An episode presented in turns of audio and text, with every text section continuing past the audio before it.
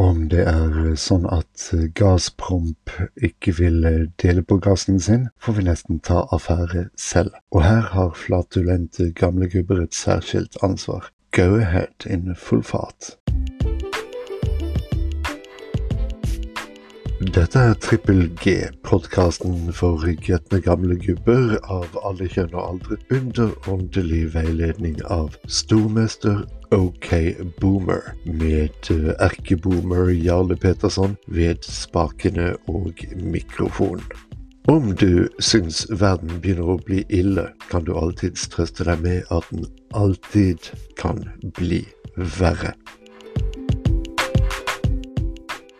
Hei sann sveisann, jeg heter Jarle Petterson, og dette er den niende episoden av Trippel Gs fjerde sesong, som med sedvanlig inkompetanse gir seg i kast med både lønns- og jordbruksoppgjøret, prisen på kroneis, kirkelig liturgi, det franske presidentvalget, igjen et stort utvalg televiserte forsnakkelser, nordnorske nyheter, Russland og Ukraina, igjen Nato, Europas russiske oljeuavhengighet og korona kommisjonen. Med andre ord noe for enhver smak. Tut og kjør.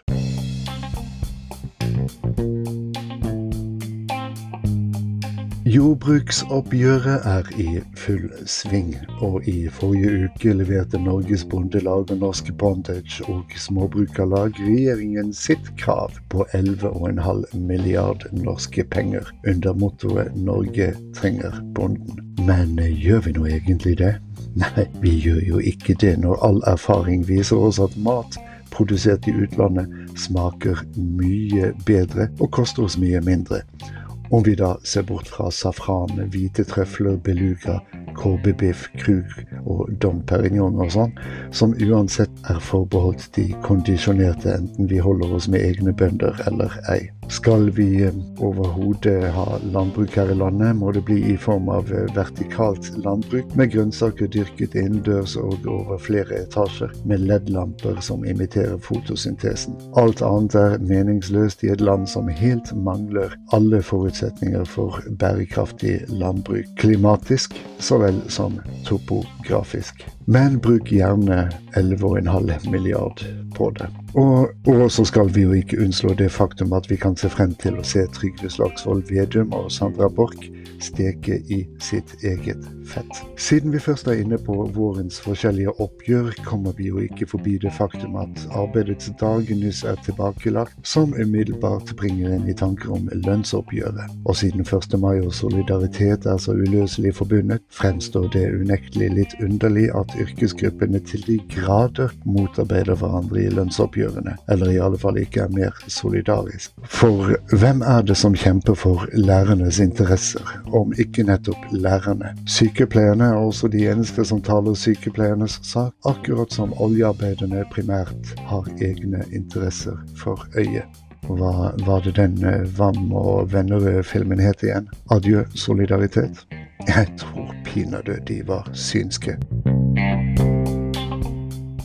Jeg er eh, pinlig oppmerksom på det faktum at det kan reises spørsmål om denne podkasterens egentlige gubbestatus, så la meg oppklare. Jeg husker da kroneisen faktisk kostet én krone, så du kan jo forestille deg ansiktet mitt her om dagen da kassadamen forlangte 26,50 for en.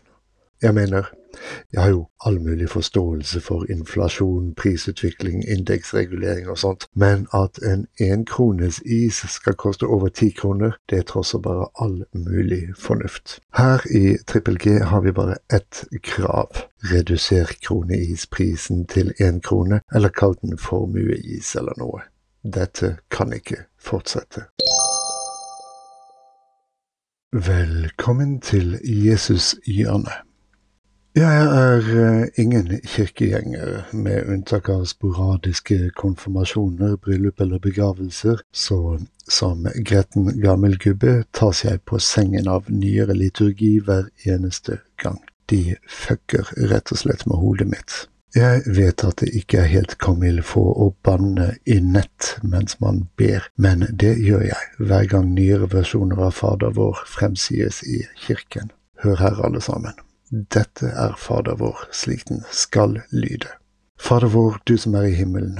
Helliget vorde ditt navn. Kom i ditt rike. Skje din vilje som i himmelen, så og på jorden. Og forlat oss vår skyld som vi forlater våre skyldnere, og led oss ikke inn i fristelse, men fri oss fra det onde, for ditt er riket og makten og æren i evighet. Amen.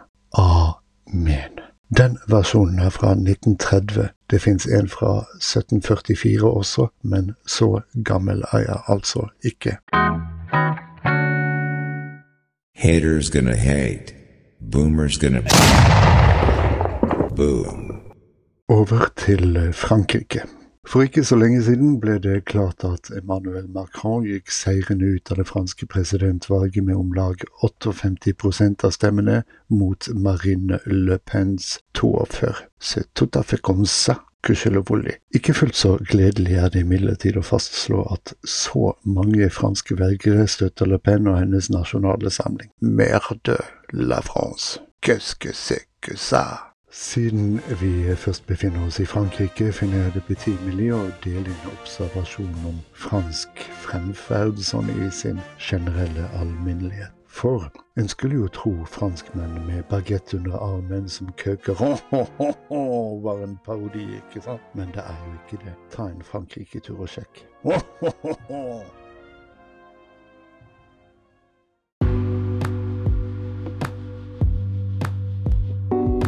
Sie hören bösen alten Männern zu.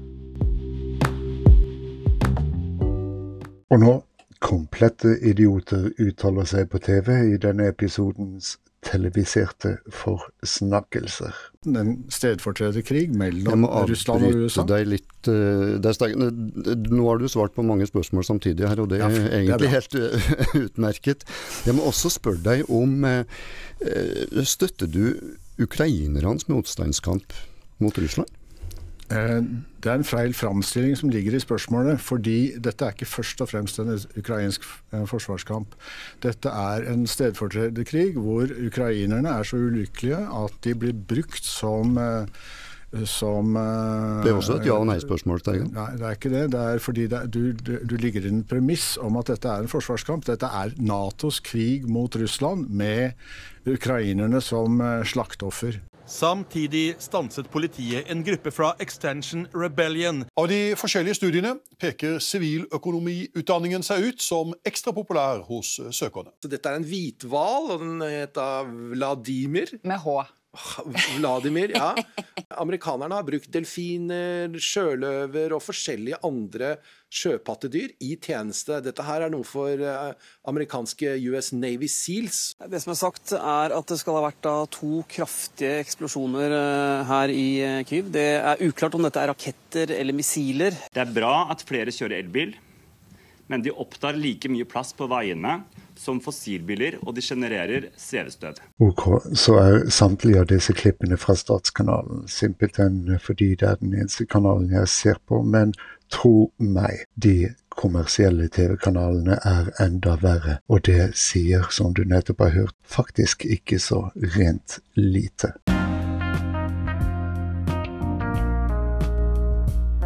Trippel G er mer enn en podkast. Trippel G er et medieimperium som også deler memes og annen faenskap i flere sosiale medier, som Facebook, Twitter og Instagram. Følger du ikke med, går du glipp av alt sammen.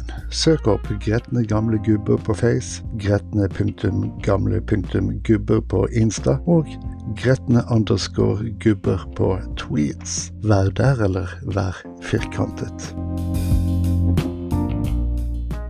Og nå et lite tips til deg som er spesielt opptatt av alt som foregår i Nord-Norge. Lytt til Helgemorgen på NRK P2 eller televisert på NRK1. Skulle du derimot ikke være så interessert i nordnorske lokalnyheter, kan du trygt finne deg bedre ting å fordrive tiden med.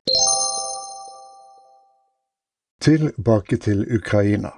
Da Voldemort Zelenskyj nylig oppfordret Vesten til å bidra til avputiniseringen av Russland, slik Putin påberopte seg avnazifisering av Ukraina, må jeg medgi at jeg ble en smule bekymret. Nå kan det selvfølgelig tenkes at oppfordringen var lite annet enn et retorisk grep En parafrasering av eh, Putin, så å si. Men dersom oppfordringen er helt oppriktig, demonstrerer Zelenskyj også noe jeg hele tiden har tenkt, at ingen av disse østeuropeiske landene er videre demokratisk anlagt, noe som også gjelder flere forhenværende Warszawa-pakt-land, enda de nå er både Nato- og EU-medlemmer.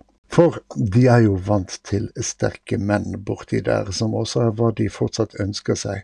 Tenker vi oss først om, fremstår nå engang Zelenskyj selv som en. Ja, jeg er overbevist om at et ukrainsk EU- eller Nato-medlemskap vil tjene som en rød klut for Putin, noe han definitivt også fortjener. Men det gjør meg jo ikke mindre betenkt.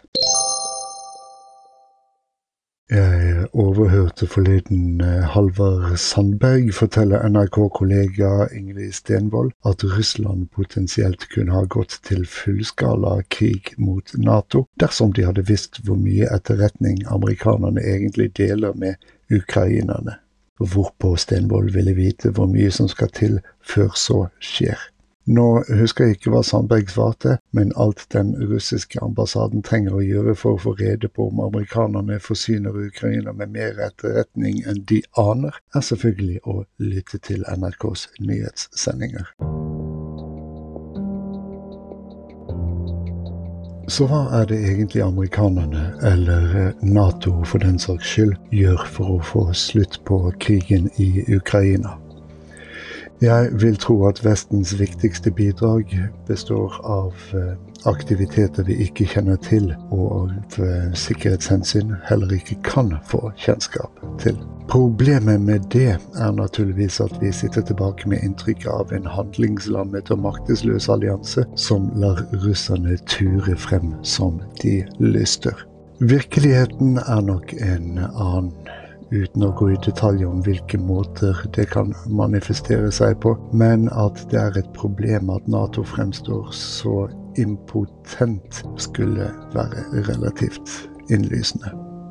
Årsaken er minst like innlysende. Vladimir Putins jevnlige rasling med det kjernefysiske arsenalet er selvfølgelig ment som et skremsel. Sovjetunionen gjorde mye av det samme, men med den forskjellen at regimet den gang ikke var fullt så utilregnelig. For eh, Putins mentale helse eller eventuelle skruppelløshet er en ukjent faktor. Det kan være fristende å ikke ta truslene på alvor og eh, slå oss til tåls med at bjeffende hunder ikke biter. Det stemmer imidlertid sjelden når hundegalskap er involvert. Som igjen bidrar til å forklare Natos tilsynelatende handlingslammelse. For når jeg sier tilsynelatende, tror jeg vi kan ta for gitt at det skjer mye vi ikke vet om. F.eks. tror jeg vi kan ta for gitt at vi bistår ukrainerne med langt mer våpen og materiell enn vi er klar over. Foruten at det også kan være andre ressurser involvert. Jeg sier ikke mer, og bør vel heller ikke det. Men så får vi jo se, da, om det virkelig monner. Skjønt det jo er fristende å anse atomtruslene akkurat så tomme som de sannsynligvis er. For litt siden ble det kjent at EU akter å gjøre seg uavhengig av russisk olje innen 2027. På hvilket tidspunkt den pågående krigen forhåpentligvis er over for lengst. Trippel G-redaksjonens gjetning er at ukrainerne er henrykte. Og nå covid-nytt. Jeg var ærlig talt ikke klar over at vi hadde en koronakommisjon før den såkalte koronakommisjonen nylig offentliggjorde sine funn, og jeg skal ikke her dvele ved uh, hva den hadde funnet, for vi pleier ikke å hefte oss nevneverdig ved alle disse kommisjonene våre og det de bedriver. Derimot finner jeg det uhyre interessant at vi her i landet alltid oppretter kommisjoner i kjølvannet av alle slags hendelser. Ikke fordi vi trenger dem eller bryr oss om konklusjonene deres, men fordi det er slik systemet vårt fungerer, og fordi kommisjonsoppnevnelse kanskje er vår måte å belønne utvalgte borgere på. For jeg tar det jo for gitt at honorarer er involvert. Så eh, om det skulle være behov for en gretten gammel gubbe i neste kommisjon, noe som selvfølgelig ville være underlig, stiller jeg min uomtvistelige universalekspertise til disposisjon. Ja, men så sier vi det, da. Denne episoden er over, og gudene vet når det kommer en ny, men det gjør det nok. Hasta la vista, baby. I'll be back. Ingen dyr måtte lide eller bøte med livet under innspillingen av denne episoden. We are the goobs. We were the future. We are the grumpy old sods who can't see we're a failure. There's a choice we're making. We love to bring you down. It's true we'll make a shitty day, just you and me.